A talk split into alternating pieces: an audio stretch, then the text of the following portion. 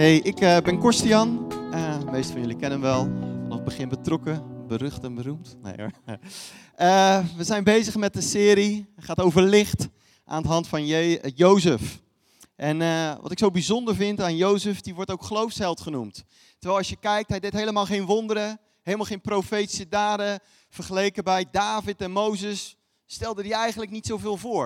Maar als je kijkt naar het karakter van Jozef, vergeleken bij David en Mozes. Mozes had zijn issues met uh, ongeduld en agressie. David had zijn issues. Maar Jozef qua integriteit, qua schoonheid van karakter, is hij wel een uitblinker. En sommige bijbelleraren zeggen, degene die in heel de Bijbel het meest op Jezus lijkt, ja, dat is toch wel Jozef, integer. Ook in de relaties. En relaties, ja, dat is lastig. Relaties maken het leven heel mooi, maken het leven kostbaar en zinvol.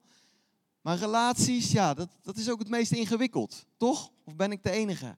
Relaties zijn, halen ook het slechtste, het meest duistere, het donkere naar boven. Het geeft licht in je leven, maar het is ook af en toe pittig en moeilijk en ingewikkeld, die relaties. En zeker familierelaties. Dat lijkt nog wel een dimensie dieper van ingewikkeldheid en complex en moeilijk.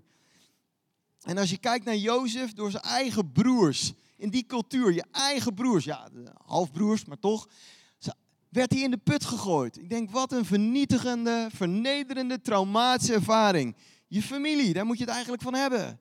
Die moet zeker in die cultuur je beschermen, helpen, verder helpen, je tot bloei laten komen. En gewoon bam, in de put gepleurd. En uiteindelijk komt hij er dan uit en via een omweg komt hij bij een soort nieuwe familie, bij Potifar. En dan denkt hij van nu gaat het goed. Ene donkere bladzijde voorbij, nu gaat er licht doorbreken. Komt er een andere ellende. Onterechte beschuldiging, onrecht, oneerlijkheid, gepest. En weer moet hij er vandoor. En op een gegeven moment, Marcel en Oscar hebben deze dingen al heel mooi uitgelegd. Als je niet geluisterd hebt, gelukkig hebben het mediateam, kan je nog kijken, naluisteren. Op een gegeven moment heeft Farao heeft een geweldige droom. Dat mag je laten zien. Het eerste plaatje. En hij snapt er helemaal niks van. De machtigste man van, uh, van Egypte. Hij ziet magere koeien, hij ziet vette koeien. En uh, koren die, die heel vet zijn. En koren die, die, uh, die armoedig zijn. Hij snapt er helemaal niks van. En ja, Jozef die had een beetje naam, hè? de man die gevuld was met Gods geest, met wijsheid. En hij komt en hij legt het uit en hij legt de betekenis uit, wat niemand anders kon. Het was Jozef, de man gevuld met Gods geest, met onderscheidingsvermogen, die het kon uitleggen. En hij krijgt een hele hoge positie, een hele hoge positie. Hij is de baas. Ja, niet baas boven baas, want Farao wou dat zelf natuurlijk houden. En dan zie je dat Jozef eigenlijk aan de top van zijn carrière staat. Hij krijgt een vrouw, heeft geld, heeft naam, heeft status. Hij is super, super druk, enorm veel verantwoordelijkheid. En dan vraag ik mij af van, hoe zit het nou in die geloofsrelatie met, van Jozef met, met God? Hè? Want Jozef, ja, die was bekend met God in de put, maar is hij ook bekend geweest met God op het, als het goed gaat in je leven? Dat is weer een andere dimensie. Hou je van God, Blijf je God gehoorzamen, volgen, in zijn pad wandelen als alles voor de wind gaat. En Jozef had het niet makkelijk. Hij was een minderheid. Hij was de enige die geloofde in de God van zijn voorvaders. In Egypte allerlei afgoderij. Hij dacht allerlei, elke dag was het allemaal anders dan dat hij aan vasthield. Tegen de stroom in, tegen de stroom in. Blijf je met God bezig als het uh, voor de wind gaat. Dan gaan we naar een hele mooie tekst, Genesis 41 dan zien we dat Jozef heeft inmiddels twee kinderen, twee zoons. En dan staat er, Genesis 41, zo mooi, Jozef noemde zijn oudste zoon Manasse. Hij die doet vergeten. En zei, God heeft mij deze zoon gegeven om mij het verdriet uit mijn jeugd en het verlies van mijn thuis te doen vergeten. En de tweede zoon noemde hij Ephraim, vruchtbaar. En hij zei, God heeft mij vruchtbaar gemaakt in dit land waar ik als slaaf kwam. Je ziet dat hij ergens een pijn heeft verwerkt en ergens die omslag naar vruchtbaarheid. En de vraag is, je kunt wel uit de oorlog zijn, maar is de oorlog ook uit jou? Jozef was uit de gevangenis, was uit de put, uit de duisternis, maar was die duisternis ook uit hem? Want soms als je iets heftigs meemaakt, kan boosheid en bitterheid en wrok en kan in je blijven hangen. Ja? En ik denk in de middeleeuwen had je zo'n term, de, de folteraars. Nou, wat was een folteraar? Nou, had je in de middeleeuwen en nog steeds helaas, heb je van die martelkamers. Ja, martelkamers. En dan had je een folteraar en die had een heel gek beroep. Die had allemaal materialen om jouw pijn te doen. Om de waarheid naar boven te krijgen. Om jou te laten praten. En nog steeds in oorlogssituaties en bepaalde films die jullie natuurlijk allemaal netjes niet kijken. Zie je dat nog wel eens. En dan wordt iemand gefolterd. Waarom? Om de waarheid bovenaan te, te, krijgen. Maar soms kan iemand bewust of onbewust een folteraar in je leven zijn. Iemand een buurman, een collega, iemand uit je familie die bewust, onbewust, vaak ook vanuit zijn verleden, vanuit zijn pijn, die jouw pijn doet. En we hebben dat op microniveau en we hebben dat op macroniveau. Nou, even op, op groot niveau, het volgende plaatje. Drie niet zo populaire mannen. Deze, Bin Laden, Hitler en Poetin. Dit zijn mensen waar we allemaal van zeggen, ja, die, die hebben onrecht aangedaan. En die laatste, die doet het nog steeds. Die doet duisternis in de wereld verspreiden. Niet goed, verkeerd. Maar als we dan weer naar klein niveau gaan. Dit is de top drie, dit, gewoon gegoogeld van uh, gehate personen worldwide en dat soort dingen. Maar wat is jouw top drie? Als ik nou zou zeggen, ga ik niet doen hoor, het is hier een veilige kerk. Een rijtje van, nou Jan Arm, jouw top 3, dan googelen we even en dan zetten we die. En dan gaan we zo door. Dan maken we het even wat persoonlijker. Vijf keer vijf in een, in een enge vorm. En hoe ben je er dan mee omgegaan? Wat is jouw verhaal? Maar we hebben allemaal, denk ik, wel een aantal mensen in ons leven gehad dat je denkt van, oei, op een of andere manier ja, was gelukkig niet zo erg als Hitler, maar heeft me pijn gedaan. En hoe ben je ermee omgegaan? Want de realiteit is dat relaties fantastisch kunnen zijn, maar ook heel pijnlijk. We krijgen niet altijd wat we verdienen. We worden soms teleurgesteld. En andersom ook. Ik ben niet alleen een slachtoffer soms, ik ben ook een dader. Ik heb een keertje stagiaire begeleid en nou, die wou mij wel in de top 3 zetten. Die zei van, je bent zo kritisch en zo, wa, wa, wa, wa.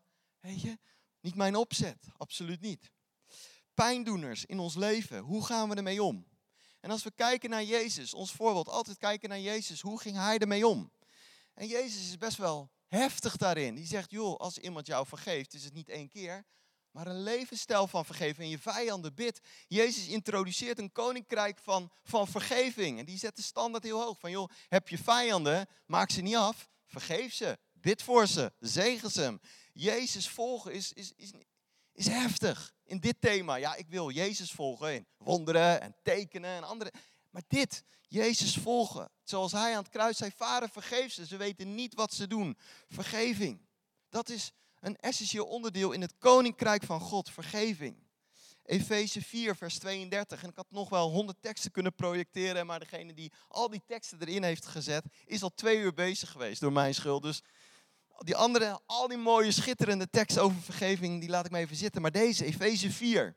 Wees ten opzichte van elkaar vriendelijk en barmhartig. En vergeef elkaar. Heeft hij het wel over christenen? En vergeef elkaar. Zoals ook God in Christus u vergeven heeft. Nou, wat is vergeving? Dat is zo'n wondersleutel. Het is zoiets belangrijks in het hart, het koninkrijk van God. Als we vergeven, doen we wat Jezus doet. Deze uitspraak vond ik zo mooi. Hij mag erop. Vergeving. Vergeving is geestelijk dynamiet dat God gebruikt voor het opblazen van gevangenisdeuren die je tegenhouden om los te komen van de dader en de pijn van het verleden.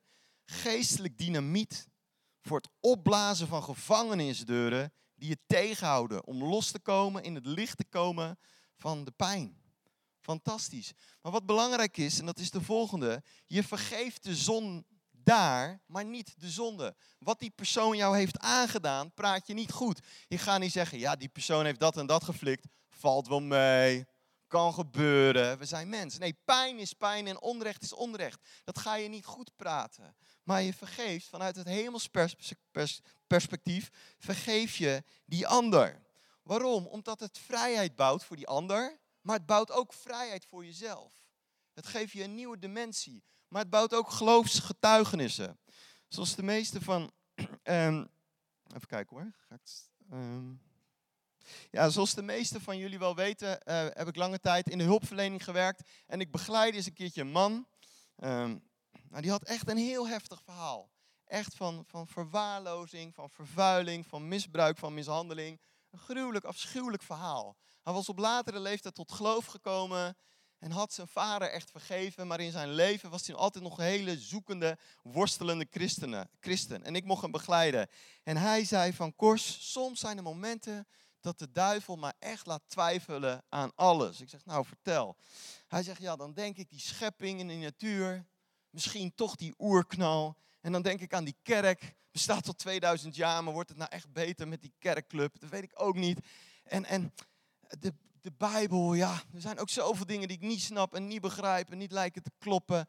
Soms denk ik van, het bestaat allemaal niet meer. Dan, dan, dan voelt het alsof de duivel maar allemaal leugentjes en allemaal gevechten in mijn hoofd. Ik zeg, maar hoe kom je er dan uit? En er kwam een grote glimlach op zijn gezicht. Een grote glimlach. Iets wat ik nooit zal vergeten. Keek me aan. Hij zegt, dan kijk ik de duivel aan. En dan zeg ik van, duivel, weet je nog, de haat die ik had tegen mijn vader. En hoe ik hem vergeven heb. En hoe ik vrij ben geworden. En nou jij weer. Nou jij weer. Hier kan ik niet omheen. Hij had een haat en een boosheid. Hij heeft vergeven. En elke keer als hij twijfelde, zei hij, maar dit is mijn getuigenis. De, de, het hart wat, wat op slot zat. Ik heb die persoon, mijn vader, vergeven. En daardoor ben ik vrij. Fantastisch. Maar dat was super lastig. Het was niet plotseling. De wil was er wel, maar het was moeilijk. En dan komen we bij het tweede. Of het volgende punt. Vergeven is niet alleen moeilijk.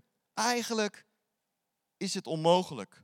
Als we onze eigen rechten waren, zouden we er niet aan beginnen.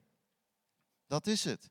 Als je vanuit, alleen maar vanuit recht kijkt, dan zou je oordelen of straffen. Maar je kiest voor genade. En vergeven is zo'n belangrijk, belangrijke deugd en essentieel in het koninkrijk van God. Ik ben zelf best wel, denk ik, eh, eh, beschermd en beschut eh, opgevoed. En toen ik een jaar of 18 was, kreeg ik verkering met een leuk christelijk meisje. Alleen, ze had ook een vader en dat was een ehm, christelijke politicus. En uh, nou, na een jaar werd die relatie wat serieuzer en toen moest ik op gesprek komen, zeg maar.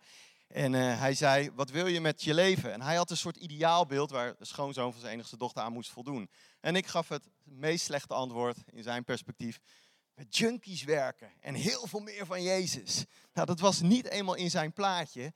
Dus uh, mijn toenmalige vriendin zei, dat heb je niet goed aangepakt. Dat heb je niet goed aangepakt. Het probleem was dat hij een week later had hij een brief gestuurd met een stempel en een handtekening, heel officieel, naar mijn ouders. Hoe slecht en ongeschikt en toekomstloos ik was. Gelukkig zei mijn vriendin op dat moment van, ik kies voor jou, mijn vader, dit en dat. Maar toch, een week later had ze de overtuiging dat beter was om het uit te laten gaan. Dus werd ik eigenlijk gewoon gedumpt. Daar kwam het op neer. En, oh ja, waar is het gebedsteam als je ze nodig hebt?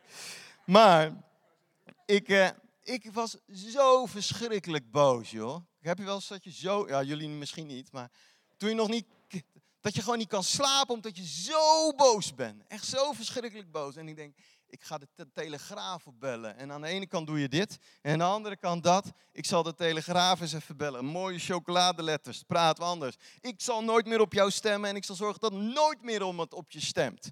En uh, mijn vader, mijn eigen vader, die zag natuurlijk hoe, hoe, ik daarmee worstelde en hoe boos ik was en verdrietig en weet ik het wat allemaal. En gelukkig hadden we thuis een hond. Fantastisch uh, ding natuurlijk. Kom, we gaan de hond uitlaten. Ondertussen natuurlijk van vader tot zoon even gesprek. Mijn vader die zei hele waardevolle dingen. Want hij zei van ja, het is niet eerlijk wat je is aangekomen, is aangedaan. Dit verdien je niet. Maar je hebt de keuze om in je leven te leren vergeven. En hij zei het eigen verhaal, ik heb zoveel momenten in mijn leven gehad dat mijn onrecht is aangedaan, onheus behandeld en ik heb moeten leren en daarin Jezus beter leren kennen om te vergeven. En ik wil je gewoon aanmoedigen, zoon, vergeef. Laat het los. God gaat echt iets mooiers en iets beters geven. En ik zei, ik wil hem helemaal in elkaar slaan, die man. Helemaal in elkaar. En dan pas vergeef ik hem. Nou, toen zei mijn vader, dat is niet helemaal de Bijbelse volgorde. Maar die boosheid, maar die boosheid. En wat ik nodig had met vergeving, was een verhaal wat me hielp, de kracht en de schoonheid van vergeving. En voor mij was dat uh, Corrie ten Boom. Wie kent Corrie ten Boom toevallig? Ja, de oude garde, halleluja. Nou, dat was een hartstikke mooie... sorry, sorry, sorry, sorry. Vergeef maar, dit is een test. Is een test. Nee, maar Corrie ten Boom was een vrouw die in Haarlem ten tijde van de Tweede Wereldoorlog, die enorme liefde had voor het Joodse volk, uh, hun beschermde en hielp en in veiligheid bracht. Maar uiteindelijk werd ze zelf uh, met haar familie verraden en opgepakt en in het concentratiekamp gegooid. En daar overleed haar vrienden, haar familie en haar geliefde uh, zus, echt haar hartsvriendin Betsy, overleed ook in het concentratiekamp. Moet je je voorstellen, heb je leven gegeven voor het Joodse volk. denk je een goede daad te doen. En uiteindelijk wordt bijna iedereen die je lief hebt uh, in de gaskamers uh, vindt, zijn, vindt de dood. Uiteindelijk heeft ze een heel mooi getuigenis. En gaat ze in de wereld over de liefde van Jezus praten. En op een gegeven moment komt ze ook in een Duitse kerk. En dan vertelt ze over de Heer Jezus, zijn liefde en vergeving. Maar dan gebeurt er dit. Ik lees het voor omdat zij het veel mooi, iemand anders het veel mooier heeft opgeschreven dan dat ik het kan vertellen. De, ja. de kampbewaarder staat voor Corrie. Ze herkent hem, maar hij herinnert haar niet eens. Ik ben na de oorlog christen geworden. Uw boodschap over vergeving heeft mij zeer geraakt. U vertelde mij over het kamp Ravensburg. En daar ben ik kampbewaarder geweest. Ik heb altijd aan iemand persoonlijk vergeving willen vragen voor mijn daden. Dus ik vraag aan u, Corrie, wilt u, wilt u mij vergeven? En dan zegt zij, het voelt alsof mijn bloed bevriest. Er staat ineens een man voor mij, mede verantwoordelijk voor de langzame, gruwelijke dood van mijn lieve zus Betsy. En hij durft mij om vergeving te vragen. Oei, al die mooie preken over vergeving, maar nu, nu moet ik zelf vergeven. En ik kan het niet. En de man steekt zijn hand naar Corrie uit, maar ze wil die hand niet pakken. Ik bid zachtjes tot Jezus. Ik wil dit niet, u moet me helpen. En dan realiseer ik mij, vergeving is geen emotie. Het is een handeling van de wil. Het gevoel is er niet, maar ik kan wel mijn hand bewegen. Bijna mechanisch leg ik mijn hand in de zijne. En dan gebeurt er iets bijzonders. Ik voel ineens een warme golf door mijn lijf. Vanuit mijn schouder, door mijn arm naar onze handen. En ik moet huilen. Ik vergeef je, broeder, met heel mijn hart. En daar stonden we dan, de kampbewaarder en de gevangene. Lang hebben we elkaars hand vastgehouden. En nog nooit heb ik de liefde van God zo diep ervaren. En zo werd ik ook zelf vrijgezet. Gezet. Dit laat iets zien van dat vergeving lastig is. Maar dat God erin wil komen. Maar dat het ook een daad van je wil is om te kiezen om te vergeven. En ik wist van vergeving is nodig voor, voor de rest van mijn leven. Als ik weer terug ga naar mijn eigen verhaal. Ik moest die weg van vergeving aangaan om zelf niet een verbitterde jonge man te worden. En een vriend van mij toen de tijd, die zei, Kors, jij hebt zo'n klap meegemaakt met, met schoonfamilie en zo, weet je. Dat komt nooit meer goed met jou. Jij moet gewoon zoeken naar. Jij moet gewoon verliefd worden op een meisje die geen, geen ouders meer heeft of zo. Dat is de enigste mogelijkheid. Dat is de enigste mogelijkheid. Hij zat niet in het pastoraal team. Maar. Uh, um, en nu. En, en uh, eigenlijk uh, is best wel mooi. Van, um, nou, uiteindelijk zijn we nu 25 jaar later. En heb ik fantastische schoonouders. Die zitten ook in deze gemeente. En, uh, en, en twee, drie jaar geleden mocht ik spreken ergens in het land en ik had mijn schoonvader meegenomen. En ik dacht, wat wonderlijk, wat wonderlijk dat we nu samen het Koninkrijk van God mogen bouwen, hand in hand, ergens. En toen had ik echt zo'n gevoel van, kijk nou vijand, dit heb je geprobeerd en dit is de uitkomst.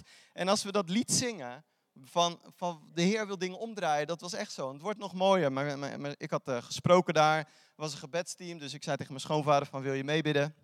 Hij wou dat en er was een man die behoorlijk in de knel zat met van alles en nog wat. En Bidden heeft altijd kracht, maar soms heb je wel eens van het heeft vandaag superveel kracht. En was echt iets bijzonders. Echt iets bijzonders wat God door dat gebed heen deed. Dat ik dacht van, echt bijzonder. Ben, mijn schoonvader, had echt hele krachtig geworden. Ik mocht dat aanvullen en bevestigen. Een jaar later ging die man contact opnemen met mij. Zeg, joh, dat gebed heeft mijn leven veranderd. Echt veranderd. Ik ben, ben, compleet een ander mens geworden. Ik heb met heel veel dingen afgesloten. En ik ben zelf nu een bediening gestart om uh, mensen met verslaving en depressie, problematiek te helpen. En ik denk van, kijk, dat is wat God wil doen. Dat is wat God wil doen, de kracht van vergeving. Van, uh, en zo dankbaar dat, dat God het omgedraaid heeft. Zo dankbaar met Ben, uh, lieve, wijze, inspirerende schoonvader en voorbeeld in mijn leven. Denk ik van, de vijand wou dit. En dit wou God. Kijk hoe God dingen omdraait. Fantastisch, ontroerend. Vergeving heeft te maken met verwerking. Ook een deel vergeten en loslaten. Maar uiteindelijk ook met vrucht. Uiteindelijk vrucht. Nog een verhaaltje. Wat ik, wat, wat ik denk, is zo, ik hou van verhalen omdat ze dichtbij komen. Er was een aanbiddingsleider die draaide jaren mee in een, in een muziekgroep. En met de voorganger. Allemaal leuk, heel tof. En die man was zoals heel veel muzikanten echt een zegen voor de gemeente. Echt een zegen. Ook onze muzikanten, jullie zijn een zegen. Um, voor de gemeente, absoluut. Maar op een gegeven moment kreeg die, een van die aanbiddingsleiders kreeg een conflict met de, met de voorganger. En dat werd niet helemaal goed opgelost. En op een gegeven moment merkte die aanbiddingsleider van... hey, de passie voor muziek, voor God, voor geloof wordt steeds minder. En hij stapte uit de aanbiddingsband en later ook een beetje uit de kerk. Hij ging, kwam af en toe één keer in de twee, drie weken, maar deed er verder niet veel aan.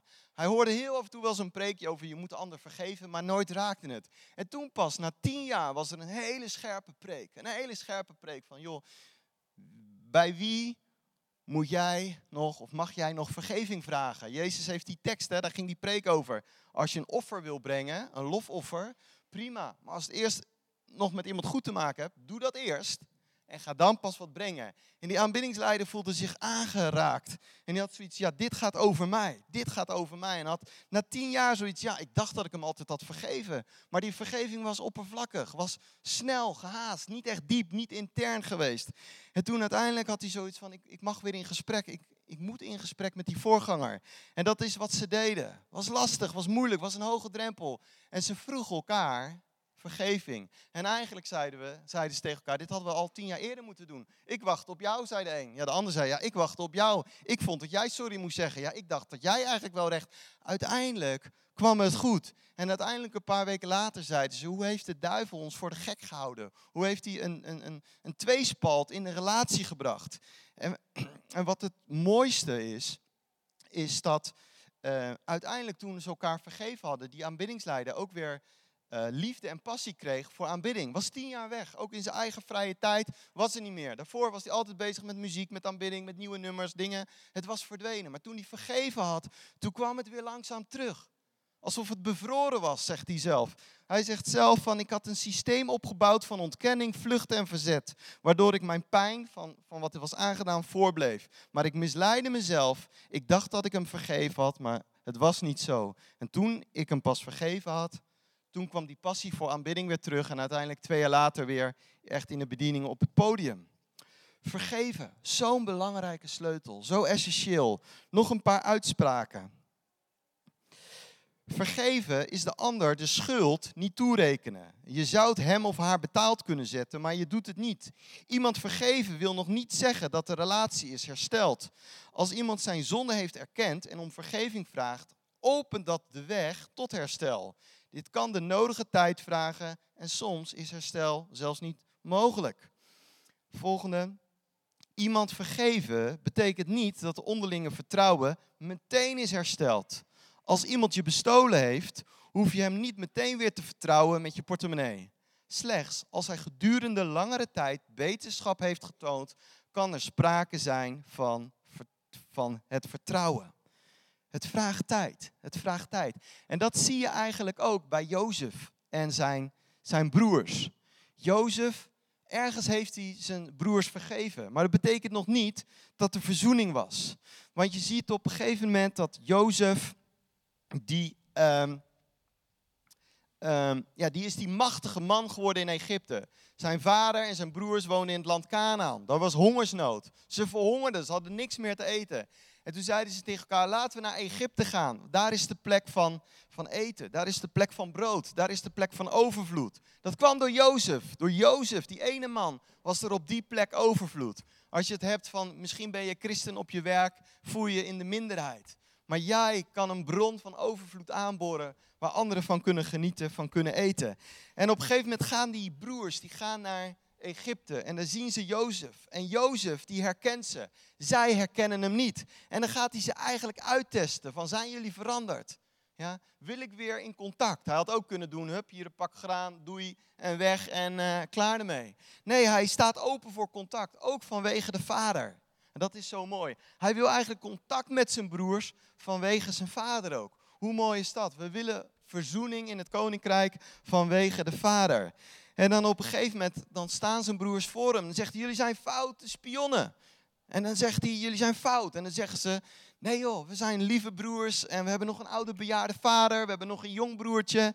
Dit en dat. En hij verstaat, uiteindelijk gooit hij ze in de gevangenis. En dan verstaat hij hun verhaal. Hij verstaat alles. En dan ziet hij van, dat die broers zeggen, nu zitten wij in de gevangenis. En wij zullen sterven. in deze gevangenis. En onze familie, die krijgt nooit meer te eten, die zullen ook sterven. En dan begint hun geweten weer te spreken na jaren. En opeens zeggen ze van ja, het komt door Jozef. Na al die jaren, het komt door Jozef. We hebben hem in de put gegooid. We hebben hem gezien met zijn doodsbenauwde blik. We hebben hem gezien met zijn smeekbeden, maar we hebben niks gedaan. We bleven egoïstisch. We hebben het is onze schuld. Het is onze fout. We zaaien wat we oogsten. Het is onze schuld. En Jozef hoort dat en die begint voor het eerst te huilen. En op een gegeven moment haalt hij ze uit de gevangenis en dan zegt hij van eentje moet blijven, Simeon. En ga die jongste broertje halen en breng hem voor mijn neus. Want dan zal ik zien dat jullie de waarheid hebben gesproken. Dat jullie geen spionnen zijn. En zij hebben zoiets, dan moeten we Simeon, een broer, achterlaten. We zijn al een broer kwijt en dit.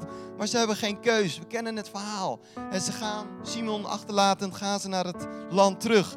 En dan is het zo bijzonder. Zo bijzonder wat, wat, um, wat die vader zegt. Die vader zegt, ik ben dankbaar voor het, voor het graan. Maar nu heb ik al een zoon verloren en nog een zoon verloren. En wat zeggen jullie nu? Want een van die broers zegt, ja, als we nog een keer moeten, dan moeten we onze jongste broer meenemen. Anders krijgen we Simeon nooit terug. En die vader die schreeuwt het uit. Jullie maken me kinderloos. Mijn ene zoon ben ik kwijt. Mijn andere zoon kwijt. En straks mijn lievelingszoon. Mijn enigste dochter die ik nog heb van mijn lievelingsvrouw. Dat wil ik niet. Dat kan ik niet. En ze duwen dat probleem weg. Tot op een gegeven moment er geen graan meer is. Dan komt het probleem terug. Herken je dat? Dat je een probleem hebt, dat je het wegduwt. Wegduwt en op een gegeven moment, ja, komt het probleem toch weer terug. Het probleem komt weer in hun face. En... Uh, dan komen ze terug bij, uh, bij, bij Jozef. En dan, dan zegt Jozef, die zegt we gaan een maaltijd vieren met elkaar. Een maaltijd. En hij zet ze op, op volgorde van, van leeftijd. En ze kijken elkaar aan, heel verbaasd van hoe weet dat Jozef? En nog steeds gaat er geen klik in hun, in hun oren, in hun ogen van hé, hey, dit is onze broer. Ze zien hem niet, ze zien de broer niet, ze zien hem niet, ze zien Jozef niet. Vlak bij hun en ze zien hem niet. Hoe mooi en machtig en schoon hij is. Wat een diepe les eigenlijk. Wat een symboliek. De broers van Jozef, de broers van Jezus, zo dichtbij. En dan zegt uh, Jozef van, nou jullie mogen weer terug. Hier heb je graan, je hebt geld en dingen. En uh, wees gezegend. En dan gaan ze terug. En dan denk je, dit is een happy end. De film loopt goed af. Wat een drama. Het loopt goed af. Het komt allemaal weer goed. Dat denk je dan. Ze hebben gefeest, ze hebben gedronken, ze hebben graan. Simeon is weer mee. Het is fantastisch. Klaar. Einde van het verhaal. Laat de ondertiteling van de film maar beginnen. Maar er komt er opeens een plot twist. Een enorme plot twist. Want terwijl ze terug zijn, of terugreizen, worden ze achterhaald door dienaren, soldaten van de groep van, van Jozef. En dan zeggen ze van, hey, doe je zakken open. Jullie hebben iets gestolen. De meest machtige en powervolle beker, die, die drinkbeker, was ook een spiritueel element, maar ding van macht, die hebben jullie gejat. En ze zeggen, nee, je mag ons allemaal vermoorden als je die vindt. Je mag, allemaal, je mag ons een slaaf maken. Je mag doen wat je wil. We zijn rechte mensen, we hebben niet gestolen. Nou, jullie kennen het verhaal. Wordt allemaal geopend en bij de laatste, bij Benjamin, de lievelingszoon. Daar ligt die gouden beker. En de, de dienaren van Jozef worden boos. En die zeggen meekomen. En ze komen weer van voor het paleis. Ze bibberen en ze, sis, en ze sidderen. Zal de toorn van die machtige farao van Jozef nu uitbreken? En hij zegt, jongens, jullie weten tot dat een persoon als ik... Ik heb ogen overal in het koninkrijk. Jullie kunnen toch niet zomaar mijn beker vol jatten. Jullie kunnen toch niet opeens mijn autoriteitsding pakken. En daarom zullen jullie gestraft worden. En degene die het gedaan heeft, Benjamin, die zal gestraft worden. En er staat een van die broers op. En dat is zo mooi. Dat is zo mooi. Genesis 44. Want dan zegt Jozef, jullie mogen gaan, maar één broer blijft achter. En er staat een van de broers op. En die zegt, Heer, dus Jozef, ik kan niet bij mijn vader terugkomen zonder de jongen. Hij houdt zoveel van hem. Hij zal sterven van verdriet als hij ziet dat de jongen Benjamin niet meer met ons is teruggekomen. En dat zal onze schuld zijn. Ik ben verantwoordelijk voor de jongen. Want ik heb tegen mijn vader gezegd: als ik hem niet bij u terugbreng, hoeft u mij nooit meer te vergeven. Laat daarom alstublieft, alstublieft mij in de plaats van de jongen als uw slaaf achterblijven. Laat de jongen alsjeblieft met zijn broers vertrekken. Ik kan niet zonder hem naar mijn vader teruggaan. Ik kan niet zonder hem naar mijn vader teruggaan. Ik zou het verdriet van mijn vader niet kunnen aanzien. Nou, dan zie je hier een bewogenheid bij die broers. Die hadden ze niet gezien toen ze Jozef in de put gooiden. Die andere lievelingszoon. Was nooit dat ze dachten, dit, dit mogen we niet doen. Maar die broers, die hadden denk ik elke dag die, die blik van hun eigen vader gezien. Van verdriet, van pijn, van moeite. En ze wisten elke dag, als ze het zagen in dat gezicht van, van, van die vader, van het is onze schuld. Dus wij hebben het misdaan. En opnieuw moest dan een nieuwe confrontatie komen. En die broer die had zoiets nee, dat wil ik niet. En Jozef ziet die hartsverandering. Die ziet, ze zijn zacht geworden, ze zijn vergevend geworden, ze zijn vriendelijk. Ze zijn een soort van christelijk geworden. En dan die reactie van Jozef, zo fantastisch. Zo diep, zo verschrikkelijk diep. Ik ben zo jaloers op dit element van zijn hart. Dit laat zijn hart van liefde zien. Liefde in een vorm. Liefde heeft vele vormen, maar een van die vormen is naaste liefde. De laatste tekst van vanochtend, Genesis 45. En toen zei Jozef, kom alsjeblieft dichterbij. Hij na, nadert tot mij, zegt Jozef, kom dichterbij, kom dichterbij. En ze kwamen dichterbij en Jozef zei, ik ben jullie broer Jozef. Ik ben jullie broer Jozef, die jullie naar Egypte hebben verkocht. Maar wees daar niet meer verdrietig over. Hij scheldt hun, hun verdriet en hun emotionele gevangenis vrij. Als iemand je aankijkt en zegt, joh, ik weet, je hebt me vernederd en vernietigd. Wees niet meer verdrietig. Wees niet meer verdrietig. Wees niet boos op elkaar. Ook een vrucht van niet vergeven, hè? boos worden op anderen. Wees niet boos op elkaar. Dat jullie mij hierheen hebben verkocht. Want God, onze God, die, die nog steeds trouw dient in het land van afgoderij. God heeft mij voor jullie uitgestuurd om jullie te kunnen redden. Wauw, dat is koninkrijk. God schrijft soms de brieven en de verhalen anders dan, dan, dan wij ze zouden kunnen bedenken. God uitnodigen in je pijn. God nodigt je uit in je verhaal. En ik wil gewoon bidden dat als je geconfronteerd wordt, ik ken niet iedereen helaas persoonlijk, wat jouw verdriet is, wat jouw top 3 is. En misschien ben je heel dankbaar, ben je super dankbaar en zeg je, ja mijn top 3 valt eigenlijk wel mee. Iedereen heeft zijn littekens, maar ze vallen mee. Wees dankbaar. Maar misschien heb je dingen meegemaakt dat je denkt, ja dat zijn diepe littekens. Maar God kan en wil het omdraaien. Het is niet makkelijk. Ik geloof niet in een makkelijk proces, een, een, een euro erin en klaar, een colaatje. Nee, een diep proces. Maar we hebben elkaar, we hebben voorbeelden, we hebben mensen nodig. En ik wil gewoon bidden op dit moment. Jullie mogen gaan staan.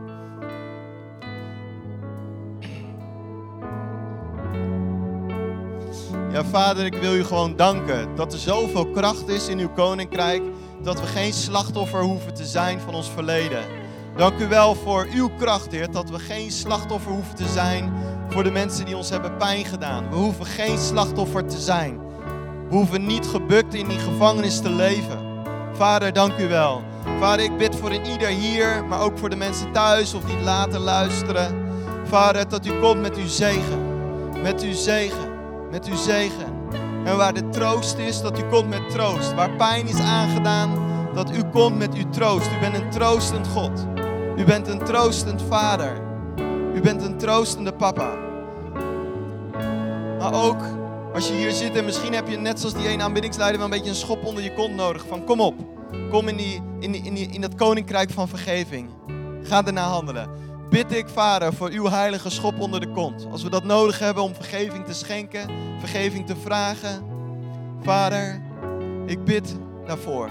Dat u met uw liefde heel persoonlijk tot die persoon spreekt. Maar ook de angst daarin uit weghaalt. Ik heb het idee dat er misschien mensen zijn die eigenlijk zeggen van ik wil die ander heel graag vergeven en weer in contact. Maar ik ben zo vreselijk bang voor, voor hem, voor haar. Wat mij is aangedaan haalt niet eens boosheid of verdriet naar boven, maar gewoon angst. Ik ben zo bang voor die persoon. Ik wil het liefst aan de andere kant van de wereld wegrennen, omdat hij me zo onjeus en onheus behandeld heeft. Vader, ik nodig u uit dat uw volmaakte liefde die angst uitdrijft. Die volmaakte liefde van u die angst uitdrijft. En Jezus zegt volgens mij tegen je, ik ben in je angst. Ik snap je angst. Ik heb angst gekend. Ik heb angst gekend. En ik wil je uitnodigen om gewoon persoonlijk op dit moment God uit te nodigen in je angst. Als je denkt, ja vergeef, ik wil ergens zo graag. Ik heb al zo vaak over nagedacht, maar gedacht, maar die angst houdt me tegen dat je zelf God uitnodigt. Dat je God zelf hierin uitnodigt.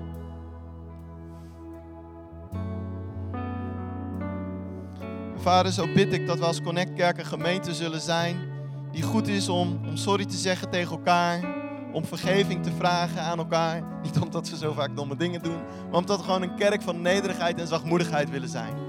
We willen een getuigenis zijn van u, Jezus, die zegt vergeef en vergeef en vergeef en vergeef. En u bent zelf de vergever, Jezus, en willen in uw spoor gaan. Willen in uw spoor gaan. Zo wil ik jullie zegenen Met de zegen van je vergeven weten. Je bent vergeven. In Jezus ben je vergeven. En als je niet helemaal zeker weet, ik ben vergeven door Jezus. Wat ik God heb aangedaan. Ik ben er niet zeker van. Willen voor je bidden. We hebben een fantastisch gebedsteam. Willen voor je bidden. Dat je zeker weet dat God vergeven heeft. Dat Hij met ogen van liefde, met waardering, met glimlach naar je kijkt. Dat je schoon bent. Dat God de oude koeien niet meer uit de sloot haalt. Dat je een nieuwe schepping bent. Een nieuwe creatie. Maar ook als je zoiets hebt van, ik, ja, ik worstel met vergeving. Laat voor je bidden. God wil komen met kracht. God wil komen met kracht. Dank u wel in Jezus' naam. Amen.